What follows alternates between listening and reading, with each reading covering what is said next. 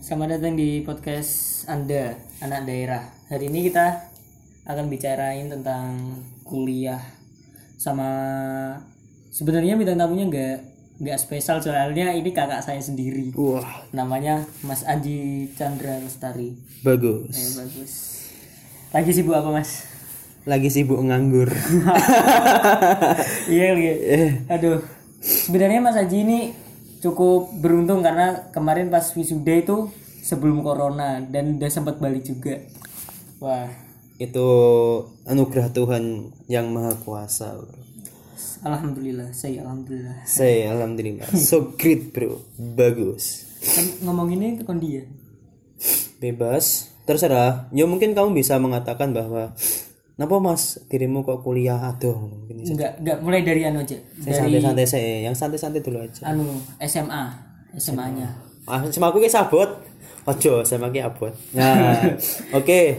Dari awal aja ya. Iya, dari sebenarnya eh aku ku menempuh pendidikan itu alhamdulillah bisa dapat beasiswa dari SMA sampai Sombong ke kuliah Iya, ini iya, bukan sombong iya, Bambang Iya, iya, iya. Enggak, enggak bercanda. Bercanda. tapi saya beruntung karena ternyata saya bukanlah orang yang pintar-pintar amat dibandingkan dengan teman-teman yang lain. Banyak teman-teman yang lain justru prestasinya lebih baik dari saya. Waktu saya masih SMP, Waktu masih SMP. masih SMP. Namun ada satu poin di mana itu menjadi power ketika kita eh, menyampaikan presentasi diri kita kepada orang lain.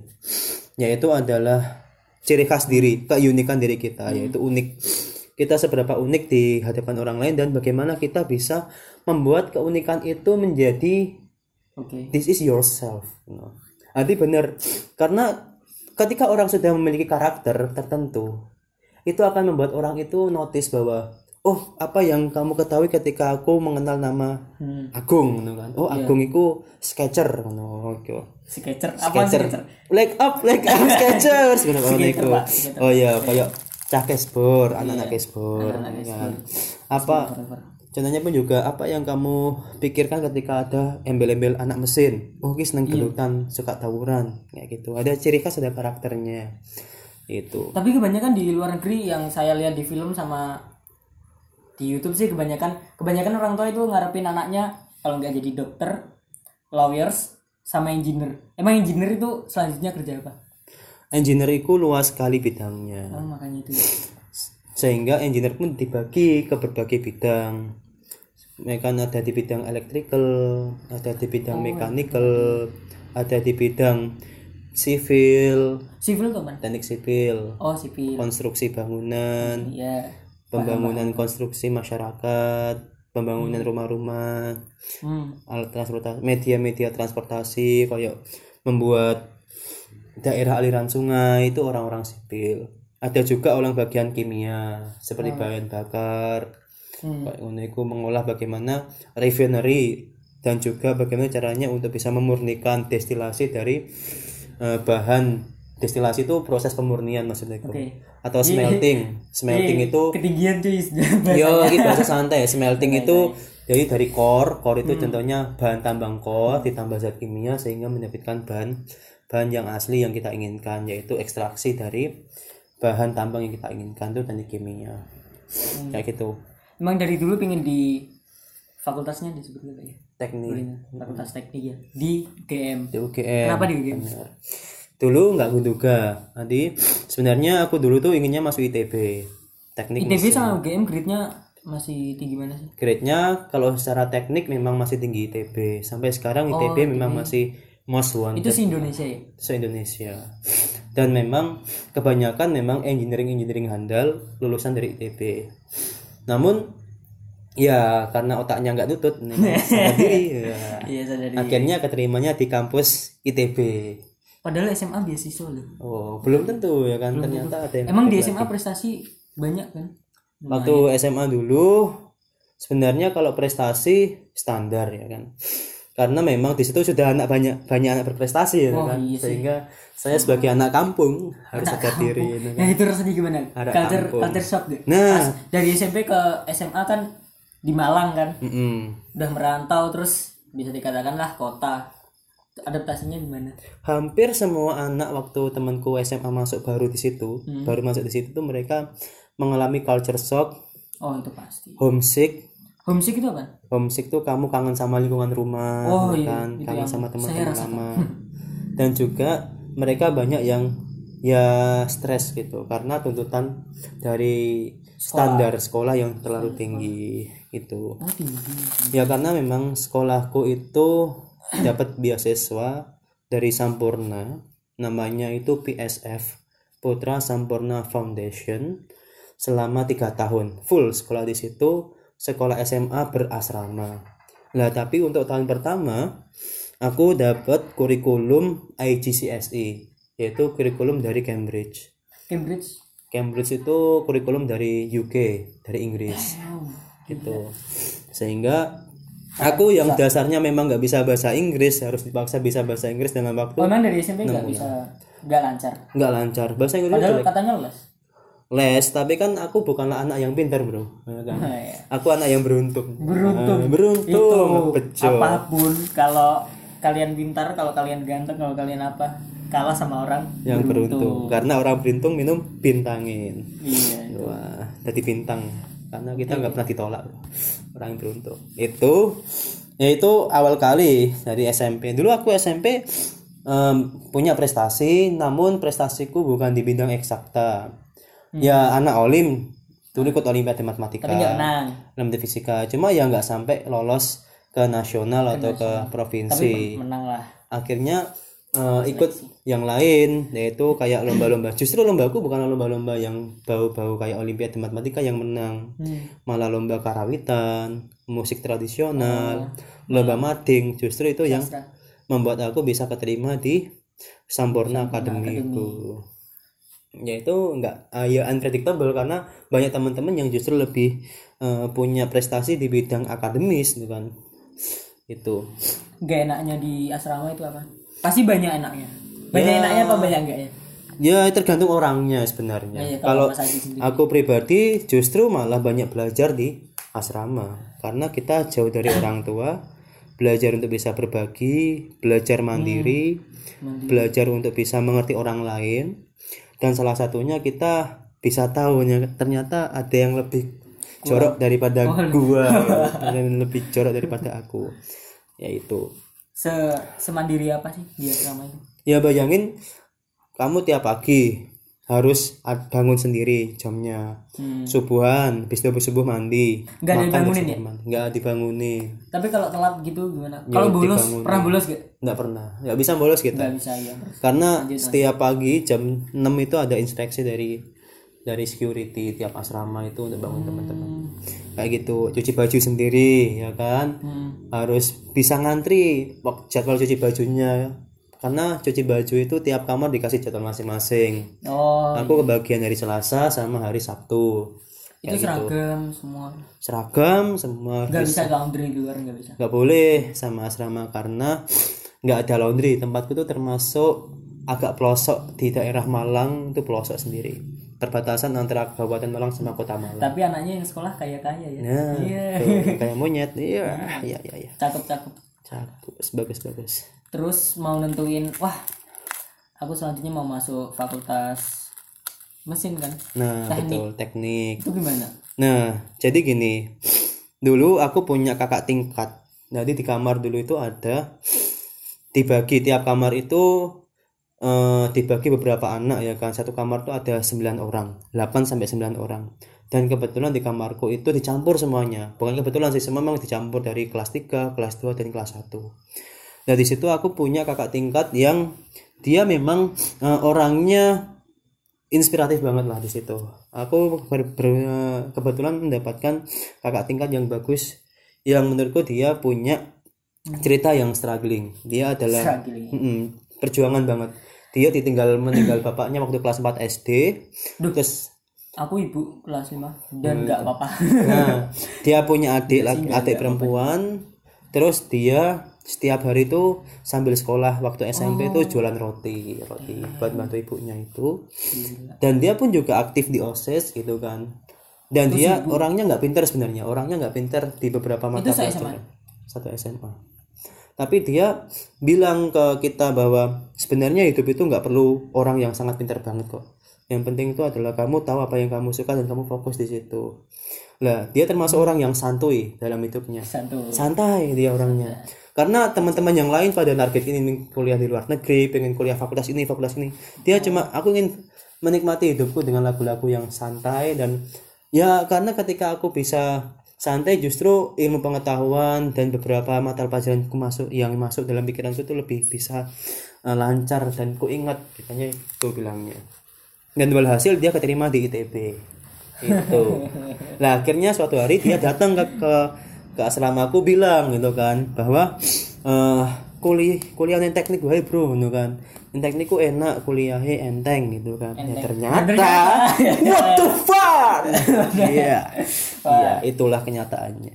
Kelihatannya semua semua fakultas nggak ada yang enteng? Eh ya? sebenarnya macam-macam kalau lihat orangnya ya karena ada orang-orang tuh yang bucik bucik itu itu buta dan licik itu kan. Berarti orang-orang yang ngincar nilai tinggi dengan mendekati dosen itu orang-orang bucik kebanyakan. Iya iya iya. Ada juga orang-orang yang hidupnya emang santai lempeng-lempeng aja. Yang penting aku lulus penting kuliah lulus. standar gitu. Ada juga orang-orang yang memang dia tuh mencari perkumpulan persekongkolan orang-orang agar bisa mendongkrak nilainya ada gitu. Hmm. ya kalau aku pribadi termasuk orang yang tipe santuy gitu kan santai yang penting jalan gitu tapi deket sama banyak dosen Nah, itu poin plusnya. Nah, aku nggak tahu juga ya kenapa bisa deket sama dosen ya, karena mungkin dulu sering banget eh, aktif di kelas. Jadi beberapa teman pun juga ditunjuk ketua kelas. Mungkin aura-aura pengurus ya kan. ikut organisasi juga nggak di pas di SMA sama di SMA dulu aku kuliah pas kibra pas kibra pasti. karena wajib. Sebenarnya di SMA aku itu oh. ada yang namanya L2L, learning to live. Itu ada empat jenis kegiatan yang harus diikuti oleh masing-masing siswa. hmm. ada yang personal well-being itu kayak olahraga itu. Aku ikut di paski itu termasuk olahraga nggak sih? Bukan. Bukan. pas itu ikut di organisasi dia. Oh iya. Aku ikut di taekwondo habis itu di taekwondo. di creativity and art aku ikut dulu bagian jurnalis oh. Dan dan penulis gitu habis itu waktu aku di bagian global citizenship keorganisasian aku ikut paskibra terus yang community service semua tuh harus ikut yang namanya pengabdian masyarakat. Dulu aku pengabdian ngajar. masyarakat itu ngapain? Ada dulu kegiatannya ada yang ngajar TK yang ngajar anak TK Seru ya, apa. asrama. habis Iya, itu ada lagi yang kegiatannya nyapu nyapu nyapu di di pasar kegiatannya nyapu pasar nyapu ngebersihin sampah gitu bersihin sampah ada juga yang di panti jompo bantu nyuapin nenek-nenek tua bantu apa gitu kan nyebokin itu cuma ada di SMA nya Mas Aji juga Nah itu memang pilot project. Berarti pilot project itu project project yang masih belum dimatangkan untuk bakal menjadi salah satu kurikulum sampurna nanti. kurikulum sampurna ya Mm-mm. Akhirnya sampurna punya kurikulum sendiri. Yaitu ya sekarang jadi yang namanya L2L itu. kebanyakan eh, angkatannya Mas Aji itu ke nah ke bidang yang sama gak sih? Macam-macam banget. Orang-orang tuh sebenarnya ya mereka memilih sesuai dengan kemampuan dan minat bakat mereka, keinginan mereka juga. ada yang nggak kuliah nggak? Kalau dari teman-teman semua kuliah, namun ada yang gap year ya, gap year. ya biar gimana? Jadi aku nggak kuliah untuk tahun ini, aku tuh tahun Oh. depan. Karena persiapan juga. Persiapan. Gitu. Dan jujur banyak sekali teman-teman yang sangat menginspirasi ketika di asrama bahkan sampai kuliah juga. Jadi nggak semuanya itu termasuk golongan orang-orang yang mampu. Ada temanku itu dia yang keterima di psikologi UGM, dia anaknya tukang parkir. Itu rumahnya cuma berapa ya mungkin satu setengah kali berapa meter belakangnya kalau pas hujan tuh banjir temanku yang dari Pasuruan tuh ada kalau juga. hujan itu banjir? Banjir ada lagi temanku di pelosok daerah pelosok di kaki gunung Argopuro yang sering banget main ke sini itu Mas Andri. Dia kuliah di teknik nuklir UGM juga itu kan teknik nuklir. Dia dan mereka justru menjadi teman-teman yang membuat kita lebih solid ketika kita merasain bahwa oh ternyata kita kuliah nggak cuma kuliah malah cari uang juga buat hidup gitu kan. Ngukur ngukur mimpi itu gimana sih? Kayak Mas Haji pernah bilang kalau kalau kita boleh mimpi asal ada ukurannya. Nah betul. Ya, kita kan- sadar diri. Sadar diri kan dah Hmm. yang anaknya tukang parkir tadi. Otomatis kan kuliah kan susah pakai banget susah banget itu dan itu kok dia bisa? Udah lulus belum mana udah lulus dia udah kerja sekarang. Dia udah punya perusahaan sendiri. Dia bukan bikin jasa konsultasi psikolog gitu Aduh. kayak gitu. Sebenarnya jujur mimpi itu nggak ada batasan kita mau mimpi sejauh apa dan sejauh mana. Asalkan kita tahu caranya gimana itu yang paling penting. Menuju ke mimpi. Mimpi menuju ke mimpi. Dan kita sadar akan diri kita. Contohnya kayak aku eh, aku kuliah di teknik mesin UGM itu kan. Ambil eh, bidik misi bantuan pendidikan itu. Dan juga aku sambil yang lain. Apakah ini nanti cocok nggak kayak kondisi ekonomiku di tengah di mana bapakku adalah seorang buruh pabrik ya kan security itu. Dan eh, ibuku adalah eh, wirausaha dan penjahit. Apabila aku gak mungkin lah dengan yang mana kondisi itu ada? Adalah orang tua agak saya sekarang. Nggak mungkin kondisi aku seperti ini malah aku justru ambil kedokteran gitu kan. Itu malah mematikan kondisi mereka emang karena pengen nggak ya nggak juga. Ya itulah sehingga kita butuh yang namanya nalar. But, penting nggak sih gitu loh kita ambil ini? Nanti prospeknya sejauh mana? Hmm, dengan masa depan yang kita pilih. Jangan sampai kita malah mengorbankan semua apa yang orang tua kita miliki dengan ambisi yang kita inginkan gitu loh. Nah ini yang terkadang bikin aku itu pesimis. Kayak lihat aja lah. Orang tua ada nggak ada semua. terus ya sama orang lain sekarang nanti lanjutnya mau pengen banget kuliah sumpah pengen mau ngelanjutin apa yang aku suka nih. tapi mikirin biaya itu paling anu sih Nah, sebenarnya masalah uang itu nomor dua bagiku. Yang pertama itu adalah kamu tahu tujuanmu ke mana. Karena kalau kita nggak tahu ke mana, percuma kita jalan. Sama Iya, aja kita keliling dalam satu tempat aja. Ini konteks di luar sisi hampir sama kondisinya kayak dirimu. Hmm. Yaitu aku punya temen dia sekarang kul sudah lulus, dia kerja di Bank Mandiri atau di Jakarta lah ya, saya kurang tahu. dari universitas mana? Dari Erlangga dia. Erlangga. Jurusan ekonomi ilmu ekonomi. Dia adalah anak pungut malahan ya kan? Anak sejak pungut. kecil eh, anak pungut. Jadi tapi tahu kalau anakmu tahu dia. waktu SMA dia pun juga orangnya ya minder gitu dengan teman-teman yang lain karena kondisinya ekonominya sangat minim sekali temanku dari Madura itu. Namun dia ibaratnya tahu prosesnya hidup. Ternyata aku nemper nemper itu aku bilangnya eh dari sesuatu yang dia alami dia lakukan akhirnya dia mencoba untuk memperbaiki kekurangan dia. Apa sih yang harus ku eh, apa namanya ku tuju? Apa sih yang harus ku jalankan? Kayak gitu. Iya. Salah satu hal yang membuat aku salut dengan teman-teman ini adalah dia itu punya mimpi tinggi namun dengan cara-cara sederhana. Dia nggak ingin eh, terlalu mulak-mulak dengan hidupnya sehingga eh, apa yang dia inginkan? Contohnya temanku yang kuliah di psikolog tuh ya udah aku ke situ aku fokus ke itu dan mampuku itu ya aku kerjakan itu. Aku nggak ingin cawe-cawe yang lain. Iya, ngomongin ini nih. Membatasi diri. Apa nyari apa yang kita mau.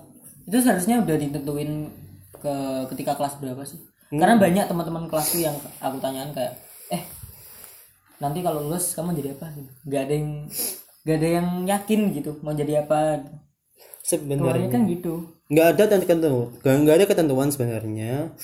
Sejak umur berapa sejak kelas berapa kamu menentukan target tujuanmu. Soalnya dari kecil aku mau jadi pilot. Nah nanti kayak agak SMP aku mau jadi ini. SMA aku mau jadi ini. Waduh nggak konsis. Karena terkadang memang realita itu akhirnya membuat kita harus sadar realita gitu kan. Realita yang akhirnya kita mengurangi standar kita. Yaitu tadi sekarang contohnya kamu jurusan IPS mau kuliah kedokteran atau kamu lulusan dari SMK jurusannya otomotif mau jadi dokter. Kan juga susah, susah gitu. banget. Kamu harus bisa mengejar materimu kamu harus lebih bersabar kamu harus banyak kerja keras di situ gitu kan. Sehingga eh, perlu yang adanya penyesuaian dengan diri gitu. Contohnya kayak kondisi kita saat ini ya ya kan kamu habis ini mau ke mana gitu? Kamu nggak tahu ke mana itu hal yang lumrah wajar. Itu lumrah? Lumrah. Oh. Untuk ukuran orang-orang yang masih dalam tahap di bawah 25 tahun makanya kita bilang namanya quarter life of crisis itu kan. A quarter life of crisis itu adalah krisis usia 25 tahun ke bawah. Itu adalah menentukan tujuan mereka ke mana. Hmm. kalau kamu sejak SMK sudah punya keinginan ke mana berarti kamu sudah ada teman orang tua atau lingkungan yang sudah mengarahkanmu ke sana gitu tapi kalau kan dengan kamu memang dari SMK nggak tahu ke mana berarti memang itu yang lumrah karena kamu memang nggak ada yang mengarahkan ke sana. Tapi sejauh ini aku ngarahin diri aku sendiri nah itu adalah itu cara. nggak apa-apa ya? Itu nggak masalah. Nanti kalau aku ngarahin diri aku sendiri nanti salah. Eh, salah. Nggak ada yang salah dengan satu pilihan asal itu tidak merugikan dirimu dan orang lain. Dalam bagaimana kalau kita tahu kalau itu nggak merugikan kita? Kita belajar. Wah iya belajar. Belajar terus sebenarnya kita belajar itu nggak harus dalam kelas jujur. Iya sih. Tapi dari lapangan pun juga bisa. Aku belajar banyak dari internet daripada dari sekolah. Nah ini jujur kalau dibilang mas nganggur aku nggak mau. Tapi aku belajar gitu. Justru malah ketika aku di luar ketika aku lulus kuliah lulus kuliah dengan kondisi pandemik corona ini aku justru menemukan teman-teman yang sekiranya cocok dengan aku untuk diajak diskusi di bidangku gitu. Aku mencari teman-teman dengan model bagaimana sih caranya mengatasi solusi uh, industri di tengah corona ini. Kita diskusi kita bikin cara kita bikin forum kayak gitu. Ya forum online gitu. Forum. Dan benar eh justru malah belajar di dalam kampus itu nggak sampai 40% lah yang kita serap daripada belajar di lapangan. Lapangan tuh malah membuat kita banyak belajarnya. Di masa-masa aku nganggur banyak sekali hal yang aku pelajari. Dari hal yang simulasi dari lisensi akhirnya belajar open source ya kan? Oh iya Linux. betul. habis itu belajar yang aplikasi yang tidak pakai lisensi open source sampai ke belajar ke C++ dan Python ya gitu kan. Itu nggak di kampus nggak diajari gitu. Dan aku belajar di situ Mak. ya kan anak mesin. Nah itu. Kalau di kuliah kampus lingkungannya itu gimana sih? Bedanya sama sekolah apa? Beda banget totally totally beda banget. Enakan mana? Enakan SMA atau SMK atau SMP oh enakan. Oh, kirain enakan kuliah soalnya lebih bebas aja kelihatan bener Lebih kamu bebas. ya? bebas. Namun di SMA atau SMP Duh, guru masih punya tanggung jawab untuk bisa membantu murid didiknya untuk bisa meraih kelulusan dia. oh kayak diobiai lah orang Ya, mereka masih peduli, mereka masih sayang karena mereka tahu bahwa ini yang terbaik buat mereka. Hmm. Tapi kalau kuliah itu free, sadar diri sadar diri benar. Kalau kamu nggak masuk selama kurang dari 75%, contohnya 14 kali pertemuan kamu nggak masuk selama lima kali, ya kamu nggak bisa ikut ujian, ya nggak ikut ujian gitu. Oh Dosen akan lebih lebih berani masih nilai kamu E. Kan kamu nggak lolos ujian contohnya. Wah, ini nilainya nol ya nol, kasih nol. oh kalau guru-guru SMP sama SMA kan kayak wah ini nilainya 50 kasihan 75 aja Nah, kadang-kala masih ada rasa untuk empati dari guru. empati guru tapi kalau emang perasaan bagus sih kalau ngajarin tanggung jawab ke mahasiswa sama mahasiswa. Betul. bukannya itu satu pelajaran ya? Sebenarnya memang demikian yang diajarkan, yaitu kalau aku bilangnya living ya, living learning lah, ya learning to live lah, belajar untuk bisa mengetahui kehidupan. iya. Karena sifat kayak tanggung jawab, jujur itu memang harus diajarkan dari kesadaran diri. Dan memang di kuliah itu lebih banyak diajarkan ke demikian daripada ke materi-materi yang lain. Sehingga bisa dikatakan pentingnya eh, apa namanya pendidikan untuk sarjana itu kebanyakan lah kaum kaum intelektual karena mereka memang secara pikirannya sudah terbuka mengenai keadaan sosial dan keadaan diri mereka. Makanya itu open minded. Benar sekali. dan ini yang bikin kaget ternyata anak mesin tuh ada yang cewek Ya ada anak mesin cakep tuh dan cakep dan cakep.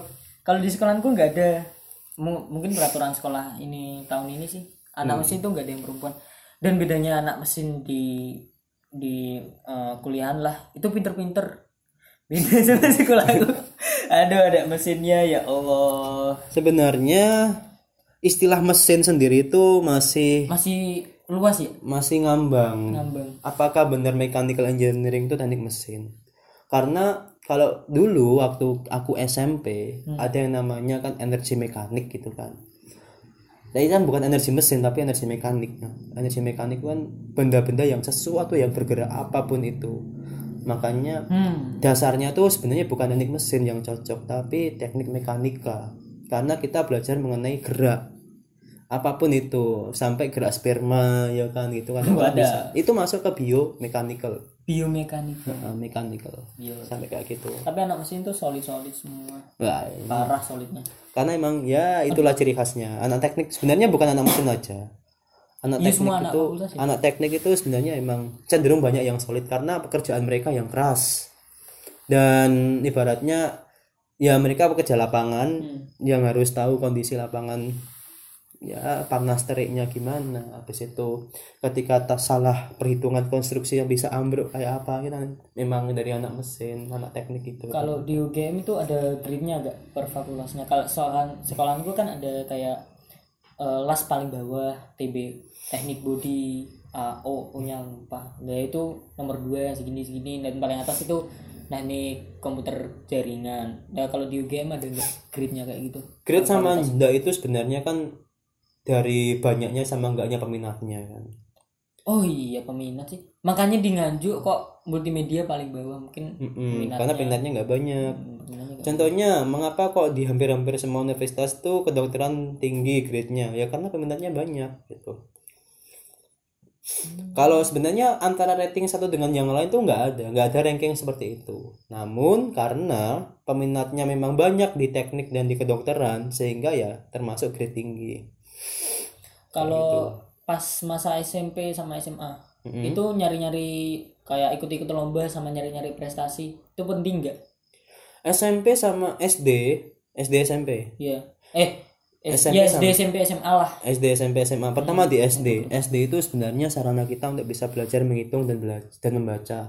itu dulu dasarnya tuh sebenarnya itu kamu tahu bagaimana nalar hitungnya kamu bagaimana cara membacanya cara membaca yang bagus gimana merangkum menulis itu itu cukup sebenarnya untuk SD SMP kamu belajar mengenai penalaran kondisi lingkunganmu.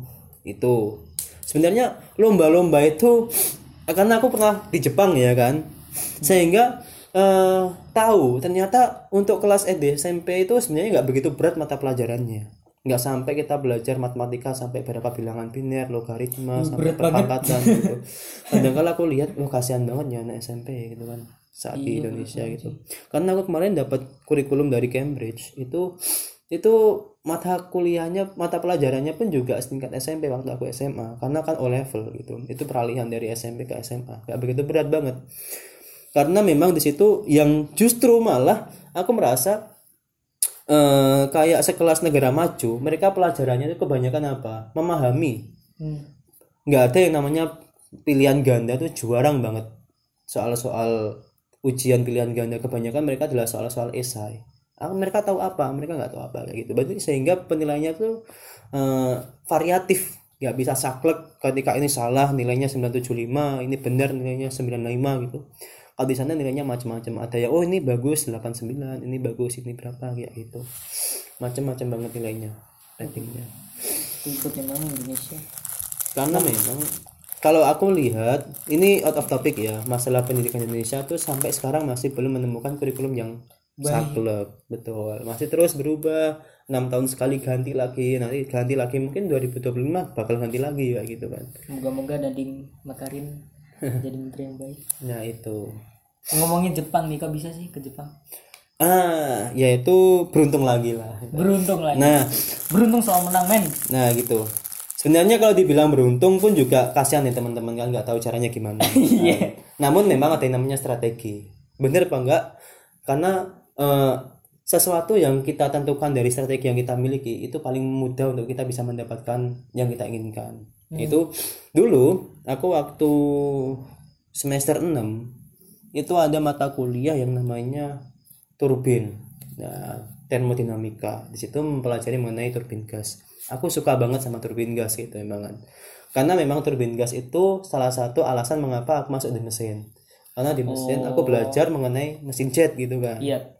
Nah, aku rencana memang pengen ke Jepang satu hari nanti. Entah itu Oh emang udah ada S2-nya. rencana dari dulu. Dari dulu. Kirain gak dadakan, wah pengen Jepang. Enggak, aku SMA tuh pernah ikut seleksi eh, pertukaran pelajar juga. Oh jadi waktu SMA itu ada pertukaran. Ada namanya PRIC. Berarti di SMA ada beli tuh.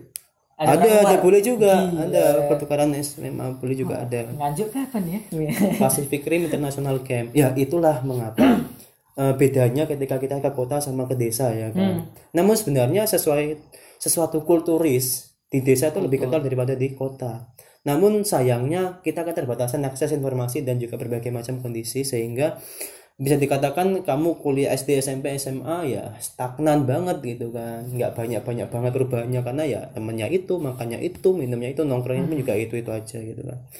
Nah sekarang kita langsung ke kota dengan model yang baru justru di kota banyak banget sebenarnya kayak beasiswa SMA nggak cuma Sampurna aja. Ada lagi yang sekolah Taruna Nusantara sekolah Kasiat tuh ada program exchange yang setahun di Amerika juga ada. Namanya AFS yes itu ada, ada Tapi kuliah ya?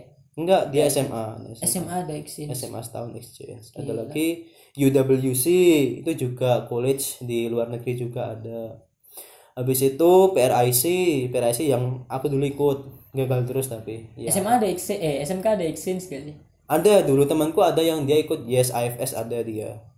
Di SMK anak nganjuk juga dia. Terus dia daftar seleksi di Malang. Coba aja nanti kalau nanti kan eh, penasaran ikut AFS gitu. Namanya AFS Wah tapi tasnya berat ya. Bina Antar Budaya ya macam-macam ada 11 kali tes kalau nggak salah sampai ke wawancara sampai ke tes TOEFL juga Wah bayar tuh pasti. gitu Nembak lur. Ngomong anu balik lagi ke Jepang tadi Oke. bisa. Jepang dulu yaitu dari dari situ akhirnya aku ambil skripsi bidang mesin jet. Memang benar aku skripsinya tentang mesin jet karena ingin belajar mengenai eh, mekanisme kinerja mesin jet itu. Sehingga aku ditawari sama dosenku untuk ikut program pertukaran pelajar di Tokyo Tech. Tokyo Tech itu kalau di sini ya ITB-nya Jepang. Nah, nggak keterima di ITB-nya Indonesia, keterima di ITB-nya Jepang ini kan untuk setahun. Dari situ aku Itu culture shock lagi. culture shock banget. Ternyata negara maju itu lebih keren banget gitu kan. Dan juga kita ternyata kerasa bahwa oh ternyata Indonesia itu kecil gitu. Dan kita emang di atas langit benar-benar masih ada langit gitu. Yaitu Jepang. Jepang ya semua orang tahu bahwa Jepang itu memang negara maju dengan disiplin tinggi bener banget presisi sabar telaten dan mereka bahkan eh, lebih sederhana di dalam kehidupan mereka daripada orang Indonesia gitu. Sama Jepang itu yang pernah diomongin Mas Aji kalau orang Jepang kalau nginstal sesuatu di apli, apa aplikasi di PC itu kan ada polisi eh polisi apa itu yang itu yang agree atau disagree Agree, mm. dan itu dibaca men sama orang Jepang kalau orang Indo mah langsung agree install Mm-mm. bedanya itu dari situ aja udah beda hal yang paling banget aku merasa shock itu adalah ketika sensei sensei itu sebutan profesor di sana itu Sensei. beliau tuh ngetiknya itu bener-bener satu persatu huruf untuk bisa menyesuaikan apakah ini bener enggak gramatikal bahasa Inggrisnya sampai kayak gitu Waduh. aku sampai gak teliti sekali aku aduh aku kurang sabar jadi orang itu. Dan sensei itu sampai ngejah papernya itu pelan banget satu persatu. Nih ini ini ini. Oh ini kurang s ini kurang double s ini pronunciationnya kayak gini salah kayak gitu. Sampai kayak gitu saking hati-hatinya beliau. Sehingga kadangkala aku melihat bahwa oh kok aku merasa ngobrol kayak gini tuh kecepatan bicaraku kok masih tinggi ya gitu. Nggak bisa diperpelan lagi sampai kayak gitu. Hmm. Itu mereka eh, selain selain lingkungan mm-mm. kan banyak lagi yang adaptasi kayak tubuh lah kan cuacanya beda Betul, sama makanan dan ini betul. Mas- untuk Mas Aji yang pernah ke Jepang Mm-mm. itu apa sih yang perlu disiapin kalau keluar negeri itu biar kayak mempermudah aja yang pertama adalah uang saku Wah, saku. karena jelas satu-satunya orang di Jepang itu harus punya asuransi kesehatan. Itu pasti banget. Dan kita memang sebenarnya Jepang sama Indonesia untuk beberapa musimnya itu nggak jauh beda. Musim semi sama musim eh, kemarau itu Hmm. suhunya sama lah dengan Indonesia. Dan itu memang friendly untuk orang Indonesia. Hmm. Dan untuk suhu yang berikutnya musim-musim dingin dan musim panas itu yang justru ekstrim sekali. Waduh sampai ada yang mati musim gitu. panas Iya sampai ada yang mati yang orang-orang tua itu biasanya kalau mereka udah nggak kuat panas mereka bisa mati musim panas. Namanya kena heat stroke atau stroke panas. Kalau musim dingin sebenarnya musim dingin kalau di beberapa daerah contohnya di Jepang bagian eh, sel utara eh, Jepang bagian selatan itu nggak sampai turun salju. Tokyo pun juga jarang-jarang banget turun salju. Kalau anak-anak kuliahan di sana itu gimana? Bedanya sama anak-anak kuliahan di Indonesia? Satu orang-orang Jepang itu nggak ada yang pakai motor mobil. Wah, itu deh. jarang banget. Mereka kebanyakan mereka pakai sepeda kalau nggak jalan kaki. Ya mungkin kalau negara kita memfasilitasi yang baik kayaknya bakal banyak sih yang kayak naik sepeda gitu. Nah. Jepang fasilitasnya itu bagus. Bagus banget sampai ke kendaraan umum itu di masing-masing gang itu ada gitu loh. Hampir masing-masing gang itu ada. Sehingga kayak di sini ya ada gang itu lah itu ada tempat pemberhentian bis di situ. Gang lima pak? Gang lima pak gitu. Berhenti nanti ada di situ. Tinggal jalan kaki menuju ke rumah. Dan mereka memang sistem perumahannya pun juga sudah ditata. Oh ini nanti buat rumah untuk ukuran sekian kayak gitu. Dan yang paling aku suka dari Jepang itu masalah konstruksi rumah itu adalah sistem sanitasi sanitasi gimana? sanitasi itu kayak sistem perairan drainase dan juga got lah selokan itu Selokan. mereka tuh nggak ada selokan yang kelihatan sama sekali langsung ke tanah gitu tapi nanti dia tersalurkan pada satu muara ada satu kolam besar penampungan Buangan. Mm-mm. dan itu hampir jujur sampai aku di Jepang tuh nggak pernah dicubit nyamuk Hah? Gila. nggak pernah menjumpai yang namanya lalat Bersih banget. dan nggak ada kecoa pernah nemuin kecoa itu kecil banget kecoanya sampai aku lihat memang gini ya Tikus, kecoa. tikus, tikus. tikus nggak ada bahkan kucing liar tuh juga jarang kebanyakan anjing saya kalau anjing liar nggak cuma anjing yang banyak memang Hmm. dan orang-orang Jepang itu justru hewan liarnya itu malah burung gagak burung gagak itu hampir di mana-mana ada Oh, banyak yang bunuh diri soalnya. Stres. ya, itu burung gagak di situ Bedanya apa tadi? Siswanya sana sama siswa sini. kalau siswanya sana di sana itu mahasiswa apa siswa Ya mahasiswa dulu. mahasiswa di sana itu kalau udah semester terakhir ya ka- karena kan aku memang di Jepang itu pas semester akhir kan udah skripsi Hmm. kita lebih sering ke lab laboratorium jadi setiap siswa itu langsung di bawah pengawasan dari dosen kita sering datang ke lab. Setiap minggu kita ada presentase presentase progress report yaitu eh, catatan kemajuan dari penelitian kita sejauh mana. Enaknya adalah di situ itu dosen benar-benar bantu kita. Eh, oh ini kurang ini coba kamu bikin ini. Nanti kamu cari ini gitu. Bahkan pernah dulu tuh sensei sampai menemaniku sampai jam 11 malam untuk bisa menyelesaikan penelitianku itu sampai kayak gitu. Dosennya sana sama sini beda gak? jujur secara Tanggung tanggung, jawabnya memang be- beda. Di sini eh, cenderung ke bebas ya tanggung jawab masing-masing tiap orang itu kamu mau kerja yo karepmu orang mau kerjanya yo setelah terserah kamu itu namun kalau kalau di Jepang mereka sangat bertanggung jawab karena nanti eh, tingkat kelulusan sama kegagalan dari siswa dalam lulus tepat waktu itu akan mempengaruhi eh, nama baik dari Nama dosen itu baik universitasnya. Apa ya dosennya? dosen itu sehingga kelak bisa enggan mahasiswa datang ke beliau karena Wah dosen ini nih. wah dosen ini mempersulit nih ini dosennya nggak enak nih gitu Oh. sampai kayak gitu Kalau di sini sini nggak gitu ya. nah karena memang di sini nggak ada tuntutan penelitian yang lebih advance nggak ada tuntutan penelitian yang lebih maju Kalau kalau anak muda anak muda Jepang nih, kalau Indonesia kan ah nongkrong pinggir jalan gitu. Kalau di Jepang ada gak? Kalau sering nongkrong nggak gitu? di situ tuh hampir jarang ya namanya kedai kayak angkringan itu jarang. Kafe, kafe ada. Starbucks, Starbucks ada. itu namun teman-teman kebanyakan sukanya jalan-jalan ke akhir pekan. Entah ke pusat kota atau ke pinggir kita barbecue itu bener-bener jalan-jalan apa kayak beli-beli gitu, shopping? ya kadang-kala kita cuma window shopping cuma lihat-lihat doang gitu kan. Oh, tapi kadang-kala kita pun juga nanti kita mau ke mana? Kan kan kadang-kala ada festival nih festival daging gekifu atau ada juga festival ayam ada juga festival apa namanya Em, mochi ada juga festival mochi ada juga festival apa. Sering banget ada festival tiap hampir sebulan sekali mesti ada itu. Makanan halal susah ya. susah banget. Hampir susah. Indomie kuncinya. kuncinya. Yaitu kalau ke Jepang Tapi Indomie ada kan? Ada, ada, mahal. aman. Ya kalau dibandingkan dengan harga Indonesia sekitar tiga kali lipat, empat kali lipatnya lah, Waduh. gitu. Kalau Indomie di sini harganya berapa? Harganya seribu, dua ribu lima ratus, di sana sepuluh ribu dua ratus. Tapi kalau orang Jepang suka gak sama Indomie? Eh, sejujurnya orang Jepang itu bukan tipe orang yang suka dengan micin. Mereka mm, nggak suka sebenarnya nggak nggak nggak begitu banyak yang suka Indomie lah, totally. Nggak suka dengan apa namanya mie mie dengan yang kuat. bumbu yang terlalu kuat sehingga menghilangkan rasa aslinya. Hmm. pernah dulu juga makan mie kalengan di situ. Mie Mie cup itu loh. Contohnya kayak di sini kayak produknya apa ya mie gelas kayak gitu kan. Oh iya iya. pernah beli di situ.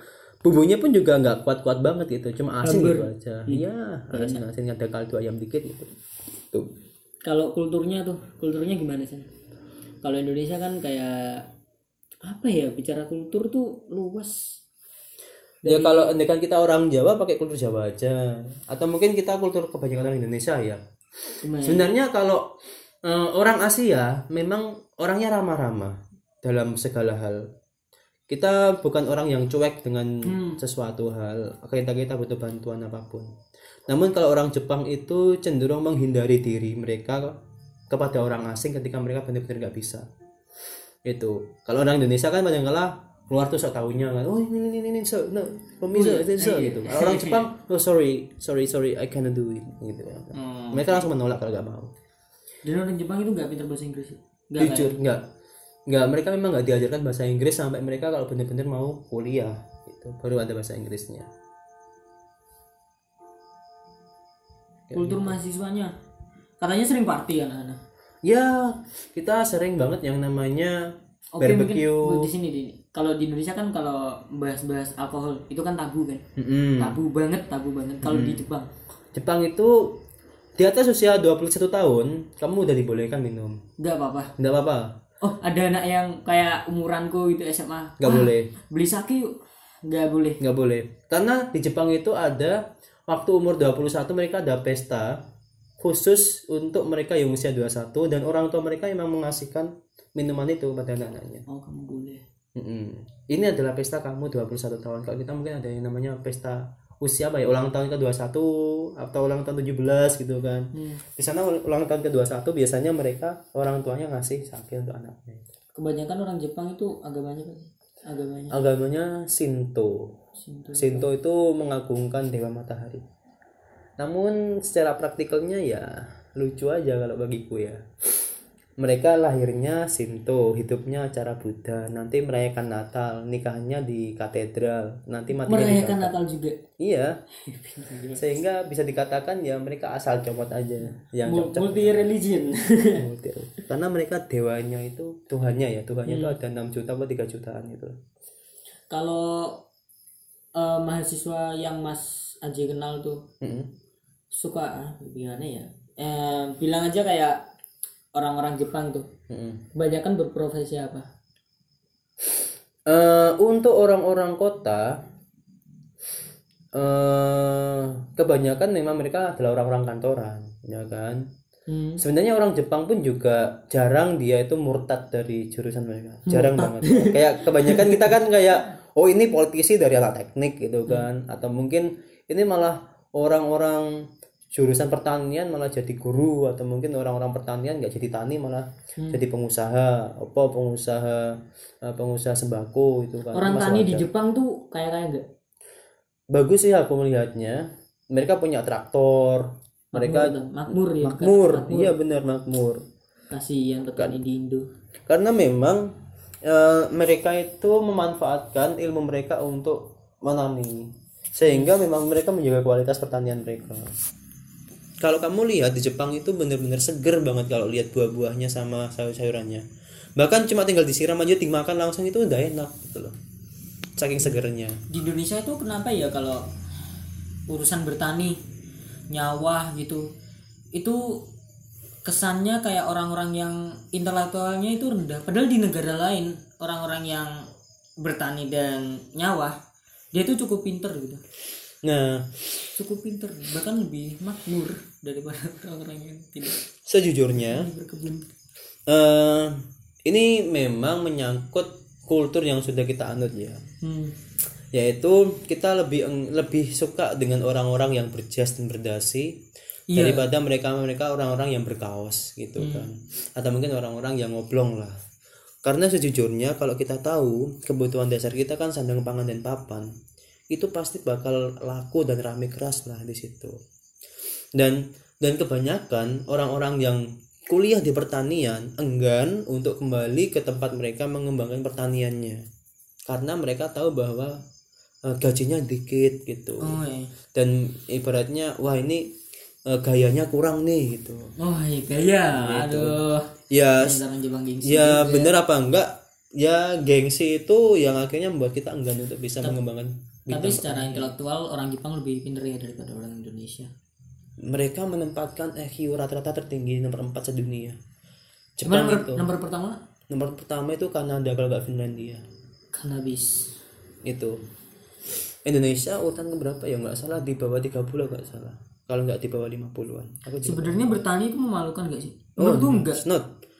Bertani itu pekerjaan yang mulia. Jujur ya banget mulai banget cuy bertani itu mulia sekali karena kamu itu mempersiapkan kamu itu bekerja untuk bisa membuat orang lain itu terus hidup gitu loh hmm. karena dengan tanpa adanya pertanian kita nggak mungkin bisa ngasih makan cuy. iya kadang aku mikir gitu kayak aku pernah kayak mikir wah pengen nih nyawa rasanya nyawa gitu Mhm. ngerasain seberapa struggle-nya orang-orang me- apa membajak sawah nanem sampai tahu hasilnya tapi nggak pernah keturunan karena nggak nggak ada keluarga yang punya sawah. Nah ada lagi itu ini nggak memalukan sumpah itu nggak memalukan. Ada lagi ini adalah nilai yang sedang dianut oleh orang Jepang ya. Yang baru-baru ini aku pelajari juga. Hmm. yaitu namanya ikigai. Ikigai? Ikigai itu adalah the way of reason mencari alasan untuk hidup. Jujur selama aku di Jepang itu jarang banget melihat orang itu kayak susah dengan profesinya walaupun itu dia adalah seorang tukang bersih-bersih. hmm, hmm. mereka seneng banget. Nih. aku punya dulu itu ah, laboratoriumku ada orang bersih bersih di situ tuh mereka beliau tuh memang aku sampai kas salut sama beliau karena ketika mereka membersihkan lab itu bener-bener kayak seneng banget bahagia kayak banget. membersihin rumah sendiri. Nah mereka kayak bisa menemukan rasa bahagianya membersihkan tempat walaupun pekerjaan itu bisa dikatakan ya gajinya nggak banyak gitu. Namun mereka bekerja dengan sepenuh hati sampai toilet pun juga bersih banget. Hampir nggak ada bau pesing sama sekali. Kering. Soalnya kebanyakan orang Indonesia itu semakin gajinya besar semakin dicintai pekerjaan itu. Nah. Mungkin karena itu mungkin. Ya itu mungkin bisa bisa jadi hal yang umum terjadi ya. Namun mereka memang bekerja itu penuh dengan sukacita. Sukacita hati lah. Hati suka hati kayak gitu. Makanya mencintai pekerjaan itu penting banget. Kalau nggak cinta ngapain kerja itu? Mending cari yang kalian suka lah. Usaha. Dan memang mereka itu suka mengapresiasi orang. Apresiatif Wah, bahkan sederhana kamu ngasih sambal pecel pada mereka. Mereka seneng banget ngasih sambal pecel. Oh kayak mas aja ngasih batik ke Mm-mm, ngasih batik. Padahal itu batik murah. Murah tapi mereka bahagia banget itu kan semua seneng banget. Dan mereka sampai difoto bareng sampai seneng bareng gitu. Karena dulu pernah eh aku ngasih itu sebelum batik itu yaitu ngasih sambal pecel untuk makanan barbecue mereka. Dan mereka sambal pecel untuk barbeque Heeh. wow new menu mereka bilang gini wow dia sampai seneng banget. Wah nggak nggak nyangka aku dikasih kayak gini gitu bilangnya gitu. Apaan It's nih really surprising me kayak gitu. Tapi mereka suka sama sambal pecel suka. Mereka suka dengan sambal padahal pedes pedes gitu. ya mereka pedas bilang ini pedas tapi aku suka gitu. Hmm. dan sesederhana kayak kamu pergi ke mana gitu kan. Hmm. bahkan kamu ngasih sepotong ikan salmon. Itu kan nggak begitu mahal ya. Potongan ikan salmon aja kamu kasihkan ke mereka itu ikan mereka salmon di sana nggak mahal? Hah? salmon di Jepang nggak mahal Eh ya standar harga sama aja dari mana-mana tempat Hmm. gitu. Ya ibaratnya mereka lebih suka sesuatu yang benar-benar original kamu bikin. Contohnya kayak kamu bikin anyaman kecil gitu kan kamu kasihkan ke mereka mereka menghargai itu. Oh beda, beda lagi kalau kalau mas Aji bikin eh, beli baju gap terus kasihin ke nih aku kasih baju gap. Nah Nah, beda lagi. biasa ya.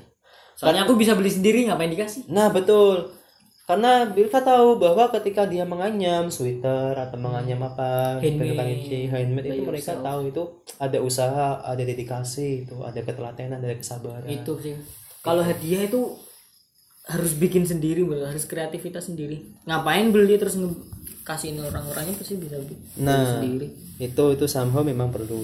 Makanya mereka bisa mengatakan cintailah produk-produk negara kita gitu kan. Mereka lebih bangga. Kalau kita kan cintailah produk-produk luar negeri gitu Supri. Supri. Supreme. Anu pernah nggak lihat toko Supreme. Pernah? Oh iya. Wah, aku nggak tahu dulu toko Supreme gila. Supreme ada Uniqlo ada Adidas ada. Uniqlo di Indo ada. Uniqlo di Jepang ada. Uniqlo dari Jepang. Nike Uniqlo Jepang Uniqlo. Nah aduh. Supreme sampai sampai ya itulah. Jepang itu unggul sih. Dari industri unggul ya?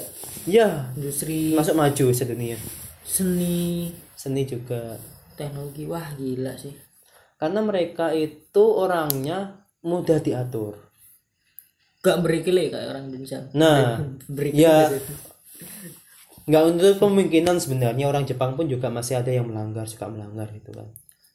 Dan memang sampai saat ini angka bunuh diri di Jepang itu tinggi depresi lah ya karena tuntutan kerja gitu. Emang di sana kalau orang depresi nggak anu nggak apa moro bahasa Indonesia nih putih apa? Moro datang. Datang nggak datang ke psikolog atau psikiater gitu. Ada.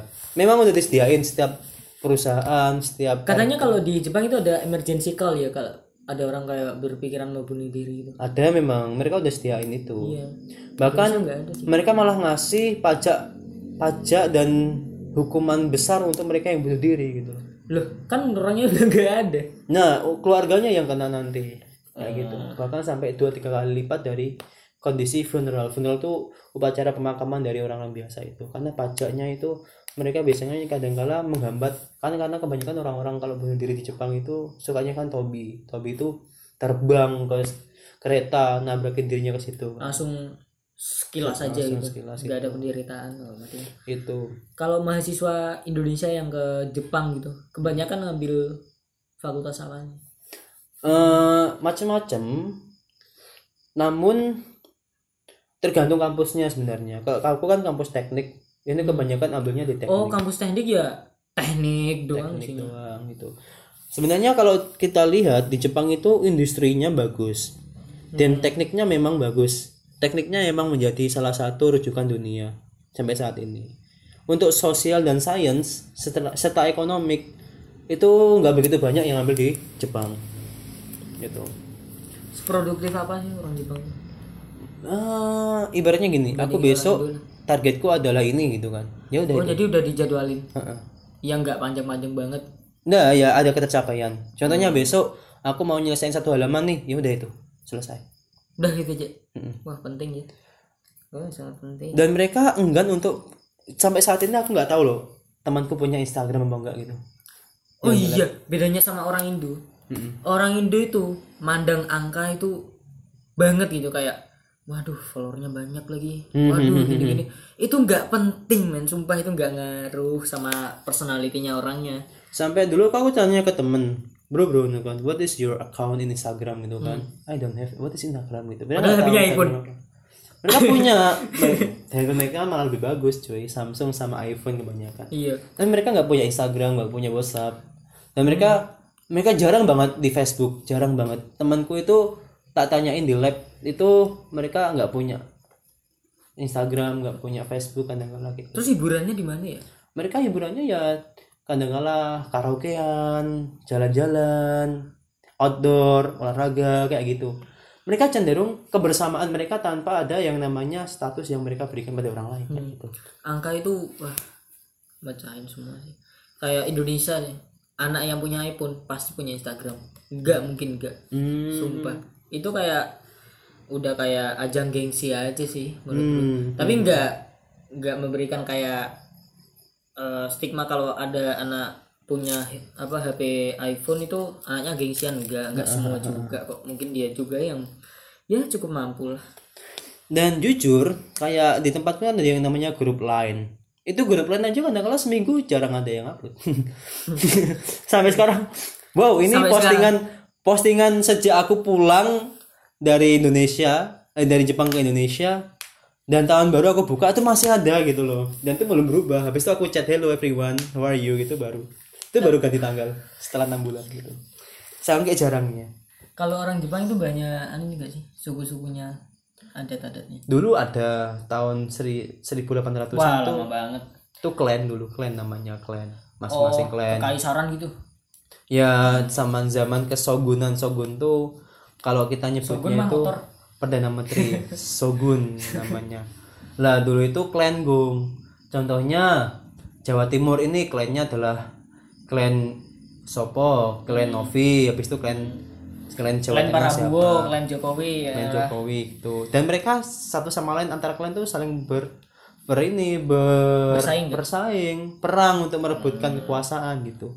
Hingga satu hari ada yang namanya Oda Nobunaga waduh Oda Nobunaga Toyotomi Hideyoshi Sarada Yukimura itu akhirnya menyatukan Jepang. Hmm. akhirnya Jepang dalam satu kepemimpinannya itu kesobunan itu dulu. Nyaman gak di Jepang? Ya kamu rasain lah hidup di Jepang itu satu bulan sekali kamu mesti merasain gempa gitu ter ter gitu Tapi nggak apa-apa ya kotanya. memang kuat bangunannya kuat kotanya aman Earthquake. 6 skala Richter kadang-kadang sampai 7 kadang-kadang cuma 4 gitu. Di di di Indo jarang banget gempa. dan itu mesti ada typhoon typhoon itu terjadi di zaman zaman Typhoon apa? topan angin topan Oh, tapan. Topan itu setiap antara musim kemarau ke musim dingin itu mesti ada kalau nggak itu musim panas ke musim kemarau itu ada topan angin topan Ah, balik lagi ke Indonesia aja lah. Mhm. Jepang terlalu tinggi. Kalau Mas Haji ninggalin Jepang, Hah? Mas Haji ninggalin Jepang berat gak? Kayak, waduh, Indo lagi, Indo lagi. gitu. enggak juga karena ketika aku di Indonesia tuh seneng banget itu kan Iya, bagaimanapun namanya kampung halaman ya, kampung halaman tetap paling nyenengin tetap menyenangkan. kamu paling suka banget ketika di Indonesia tuh kamu bisa makan halal sepuasnya ke mana pun kan ada yang namanya kebingungan makanan Kalau disuruh milih nih, nah eh, mending kuliah di Arab apa Jepang? aku milih ke Oh, Jepang bukan bukan kuliah, kayak tiket, tiket, Tiket. liburan. tiket liburan ya Iya. Jepang atau Arab Nah. Aku lebih suka ke Jepang sebenarnya bener Oh, padahal Mas Haji itu orang yang religi. Sumpah, aku sering Nah. aku tanya-tanya temenku kayak, eh, cara TKI tiket di Jepang apa di Arab milih di Arab lah, aku pengen baji alah tai bullshit. sebenarnya justru di Jepang itu kamu bahkan lebih mudah kebanyakan di sana mahasiswa mahasiswa kalau udah kuliah S2 atau S3 tuh mereka udah punya tiket untuk haji di situ lebih gampang gitu. Udah nggak usah nunggu bertahun-tahun. Mm-mm. Kayak besok Idul Adha udah berangkat hari ini. Bagi ini bisa gitu. Ya Bahkan mungkin daftarnya ini taktik kalian. gitu. Kalau di Indo nih, Mm-mm. yang gak enaknya di kuliahan Indo itu apa? Selain yang tadi dosen itu sih. Kalau ndak enaknya Sama teman-teman juga lingkungannya situ gimana sama bedanya sama yang Jepang. kalau di Indo mengenai kultur dan lingkungan ya di kampus terutama Hmm. memang kita sebenarnya sudah ketinggalan jauh lah dengan Jepang ya kan Wah. jauh banget mas, mengenai mata mata kuliah Hmm. yang kedua adalah sebenarnya kita kebanyakan masih menggunakan aplikasi-aplikasi yang nge-crack gitu kan Gak ada lisensi ya? ya nggak perlu lisensi Emang Jepang ada lisensi? ya hampir semuanya ada lisensi Aduh, bahkan sekolah aku aja kayak Adobe Premiere itu masih nge-crack kalau sekolah luar. dan yang ketiga itu adalah angka literasi orang Jepang itu Oh, suka iya, baca Indonesia udah beberapa tahun ngomongin literasi literasi di sekolahan tapi anaknya tetap aja nggak ada yang suka baca buku. betul bahkan kultur Karena baca ribet buku- mas. Aku pas SMP itu disuruh baca buku tapi nggak disuruh baca aja, disuruh nyalin lagi yang kita baca tadi apa ilmu yang dapat itu kan males. Mm-mm. Orang suruh baca aja males apalagi suruh nyalin. Nah itu karena kita udah makanya aku bilang kalau udah pulang ke kampung halaman Indonesia tuh punya kultur yaitu eh, kultur kita terlalu memanjakan. Iya. Kita tuh memanjakan. ya saya terlalu manja. sehingga sampai sesederhana kita ganti kartu tanpa ada yang namanya konfirmasi lebih lanjut ke provider. Kalau di Jepang itu ganti kartu tuh ribet banget. Kamu harus daftar dulu TOI dari HP-mu, habis itu kamu IP-nya apa, habis Kartu itu kamu pradana. Mm-mm, habis itu kamu perdana. ganti kartu Sekarang kan ada nih. izin ya itu tapi prosesnya hampir sebulan baru bisa diaktifasi gitu. selesai susah itu ganti kartu Internet cepet ya di Jepang. ya bagus mereka udah 5G sekarang Kalau kalau di Jepang nih Mm-mm. ada ayam kampus gak? banyak sebenarnya kalau di Jepang itu Negara udah baju ada ayam kampus. masalah bukan ayam kampus sebenarnya tapi cenderungnya mereka memang perempuan pun juga punya strat seksual yang tinggi Oh, it's like oh balik lagi di Jepang itu sex is a normal thing ya. ya betul Beda sama Indonesia, Indonesia masih tabu lagi. Tabu. Tapi kalau di kuliahnya Mas, kelihatannya di perkuliahannya juga bebas sih gitu. Ya benar. Bahkan ada kadang-kadang temen tuh yang satu lab kadang-kadang ada cowok cewek itu ya mereka yang melakukan hubungan itu. Gitu. Kadang-kadang ya karena cinta karena apa gitu kan. ya ya itu sebenarnya salah satu norma ya norma sosial yang memang sudah bersebelahan dengan kita. Karena kalau di Jepang tuh diajarin pendidikan seks oh pasti ya? Ya ada memang ada seks itu dari kelas berapa kalau Mas Haji tahu. Kalau aku dulu dengarnya dari SMA dari SMA Ah, SMA dikasih sex education.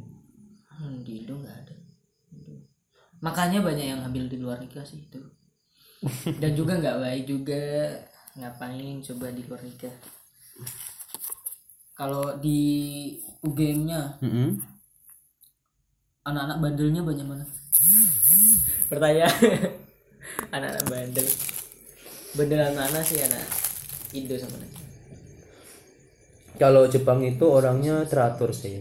Karena mereka udah punya kesibukan masing-masing ya kan sehingga lebih cenderung individualis daripada orang orang Indonesia. Indonesia kan kadang-kala eh, kita sering banget yang namanya gotong royong ya. Entah dalam apa pun lah itu sampai dalam menyontek pun juga gitu.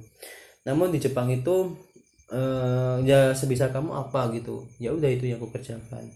Kalau bandel sama enggaknya karena memang di sana itu minum itu udah legal hmm. Dan rokok itu udah legal. Ya ya seperti itulah. Di Indonesia kan yang masih nyuri-nyuri masih nyolong-nyolong. "Oh, ini mabuk nih gitu kan. Hmm. di sana mabuk ya wis memang udah umurannya udah pakai sabuk kayak gitu. bahkan sampai tidur tidur di jalanan ya. Ya sampai kadang-kala mereka udah muta di stasiun gitu kan. Tapi nggak kuat mabuk. kalau di Jepang tuh sosial media nggak terlalu nggak terlalu penting ya. Nggak terlalu. Mereka lebih cenderungnya silence. Kulturnya orang-orang Jepang itu orang silence. Tenang banget orang-orang diam aduh pertanyaan apa nih? Gila engkau ya kakak apa ya? Ake sih ini. Ake coba aku bingung ngomongin. Nggak apa-apa, ini saya untuk masalah ini kita bahas perkara Jepang saya masalah. Nanti di lain waktu kita bahas masalah perkara kuliah kayak kan bisa.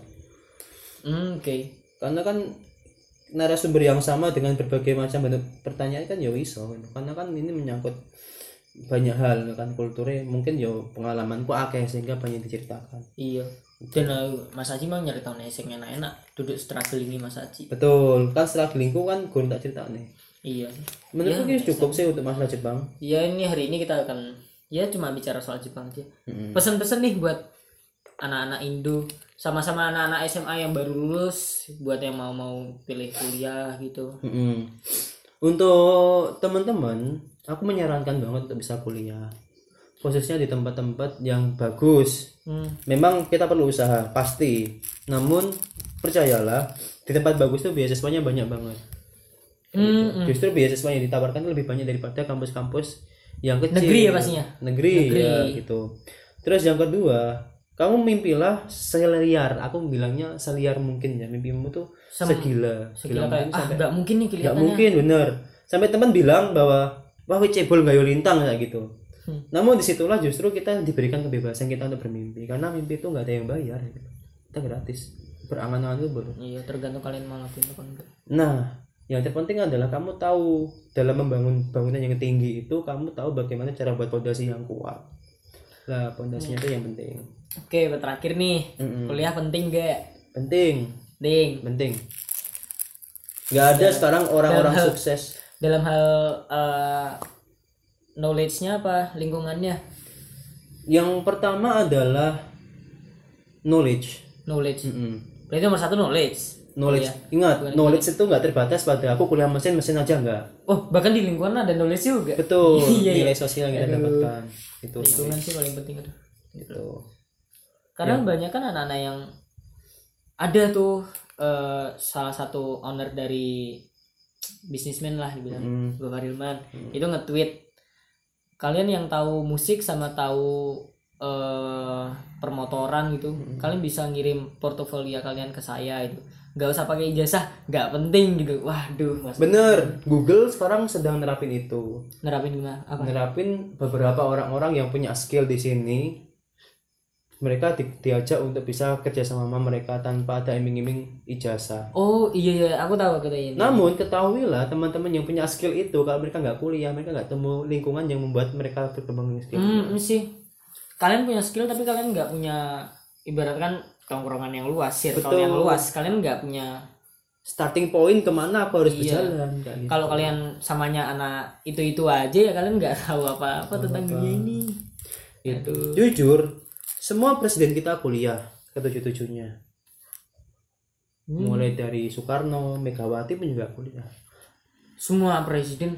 Orang Indonesia mah ma- mana mau pilih presiden yang nggak kuliah? Itu. Terus semua bisnismen dunia itu kuliah. Dari Warren Buffett dari Jeff Bezos dari Bill Gates Steve Jobs mereka kuliah. Walaupun ada yang lulus ada yang nggak lulus tapi mereka kuliah.